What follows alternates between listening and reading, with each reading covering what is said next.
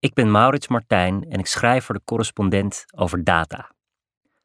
Het verhaal dat ik jullie ga voorlezen is een bewerking van een hoofdstuk uit ons boek Dit was het nieuws niet, dat op 25 september 2018 verschijnt bij de correspondent.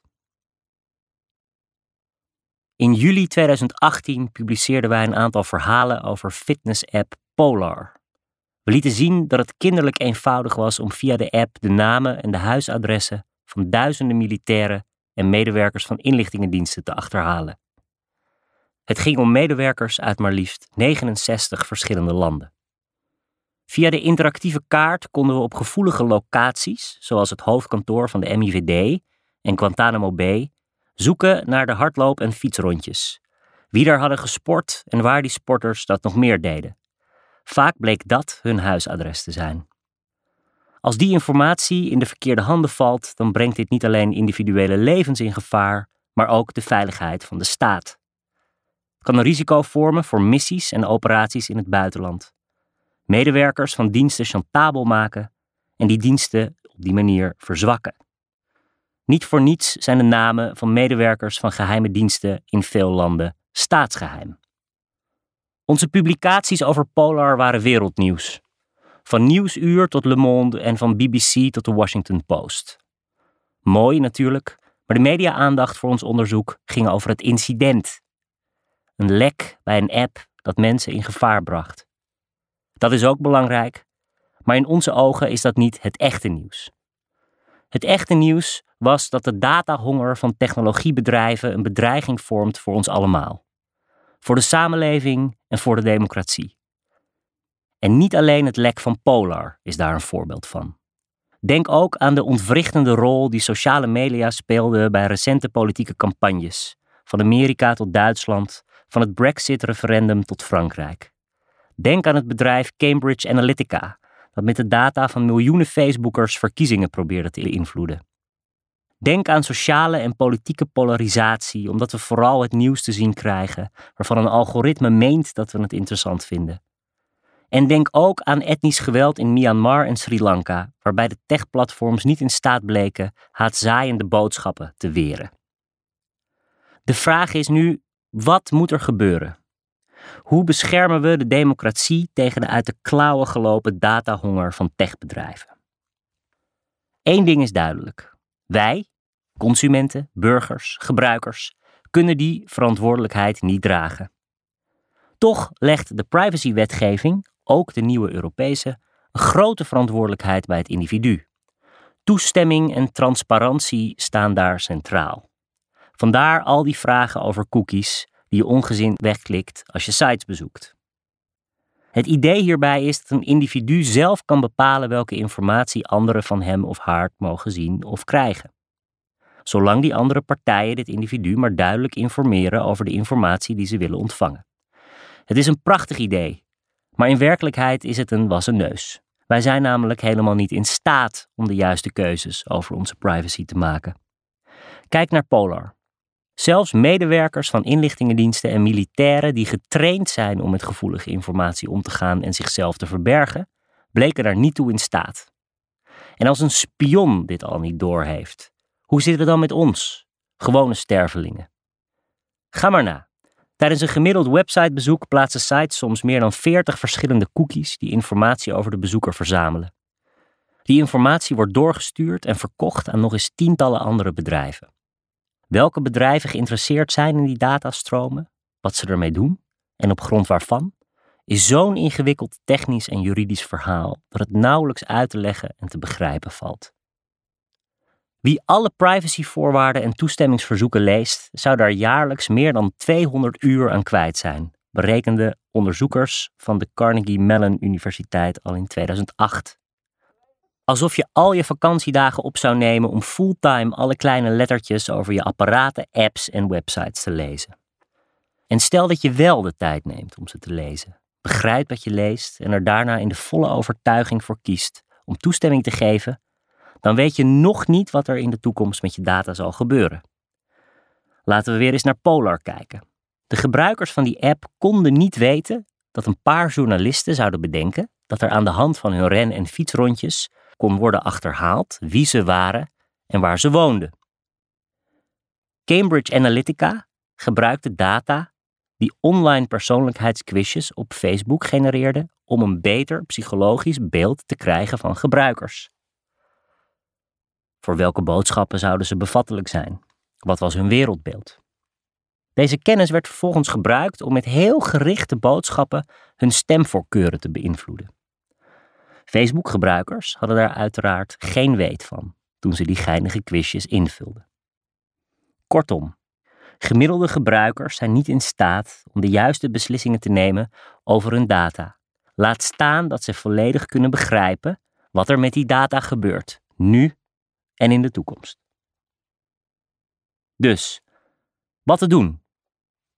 Een bijkomstig probleem is dat we van technologiebedrijven zelf ook niet veel kunnen verwachten. Stel dat Polar de door ons blootgelegde problemen echt op zou willen lossen, dan zal het rigoureus moeten veranderen. Het hele idee van die dienst is namelijk dat je al je activiteiten laat volgen door het bedrijf en door anderen. Haal je die mogelijkheid weg, dan kun je net zo goed een ouderwetse stopwatch, kaart en schriftje gebruiken om je sportprestatie te turven en kan Polar de poort te sluiten. In reactie op de immense kritiek van de afgelopen twee jaar beloven de grote techbedrijven, en dan met name Facebook, Google en Twitter, toch dat zij zichzelf zullen gaan reguleren. Maar dat is niet genoeg. Facebook komt keer op keer in opspraak omdat de privacy van zijn gebruikers weer eens is geschonden. Of data op grote schaal blijkt te zijn gebruikt op manieren waarop het niet bedoeld was, zoals bij het schandaal rond databedrijf Cambridge Analytica. In maart van dit jaar bleken de profielen van zeker 87 miljoen klanten te zijn gebruikt voor politieke microtargeting. De Trump-campagne, maar ook die van Hillary Clinton, gebruikte die gedetailleerde profielen om heel gericht stemmen te winnen. De ophef was groot. Mark Zuckerberg moest door het stof. Cambridge Analytica ging failliet en Facebook heeft sindsdien allerlei maatregelen genomen om een volgend schandaal te voorkomen. Maar het echte probleem blijft grotendeels onbenoemd. Wat Cambridge Analytica en de Trump-campagne deden, is heel normaal. Sterker, hier is Facebook voor gemaakt. Het probleem met Facebook is Facebook, in de woorden van technologiecriticus Siva Vaidyanathan. Of, zoals techneuten het graag zeggen, deze microtargeting is een feature en geen bug. Facebook heeft ongeveer 20% van de wereldwijde advertentiemarkt veroverd, ter waarde van zo'n 40 miljard dollar. Het platform is zo populair omdat Facebook gigantisch veel weet van zijn gebruikers. Iedere keer dat je inlogt, iets post of liked, leert Facebook meer over wat voor soort persoon je bent, voor welke boodschappen je bevattelijk bent, hoe je in elkaar zit en hoe je te beïnvloeden bent. Facebook gaat dit systeem niet uit zichzelf veranderen. Net zo min dat bedrijven als Google, Snapchat en al die andere techbedrijven die hun geld aan gebruikersdata verdienen, zichzelf in hun datahonger zullen begrenzen. Dat zou namelijk betekenen dat zij zichzelf fundamenteel moeten veranderen. Dat ze op zoek moeten naar een nieuw verdienmodel. Iets waar hun aandeelhouders niet zo happig op zijn. Die eisen ieder jaar meer winst. En deze bedrijven behalen meer winst door meer te halen uit meer data van hun gebruikers. Dat als gevolg hiervan verkiezingen worden gemanipuleerd of de samenleving polariseert, is voor hen simpelweg geen topprioriteit.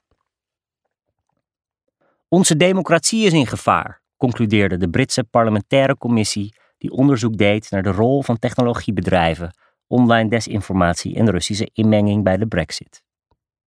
En, zei dezelfde commissie, het is nu tijd om tot actie over te gaan. De vraag is: welke actie? Hoe dan en door wie? Welke oplossingen er ook gevonden worden om de macht van techbedrijven te beteugelen, ze zullen rigoureus moeten zijn, zoveel is duidelijk, en ze zullen afgedwongen moeten worden. De afgelopen maanden is er een aantal oplossingen de revue gepasseerd. Zo zijn er experts die voorstellen om de grote techbedrijven op te knippen, zodat ze weer beheersbaar worden. Anderen stellen voor om Facebook, Google en Twitter verantwoordelijk te maken voor de content die via hun platform wordt verspreid. Want zijn het niet gewoon mediabedrijven geworden met bijbehorende verantwoordelijkheden? De NOS zendt ook geen live zelfmoorden uit.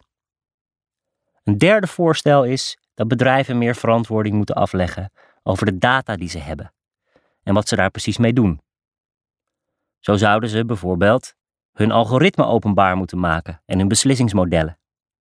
Aan alle kanten worden immers gebruikers gemanipuleerd en gestuurd in hun gedrag.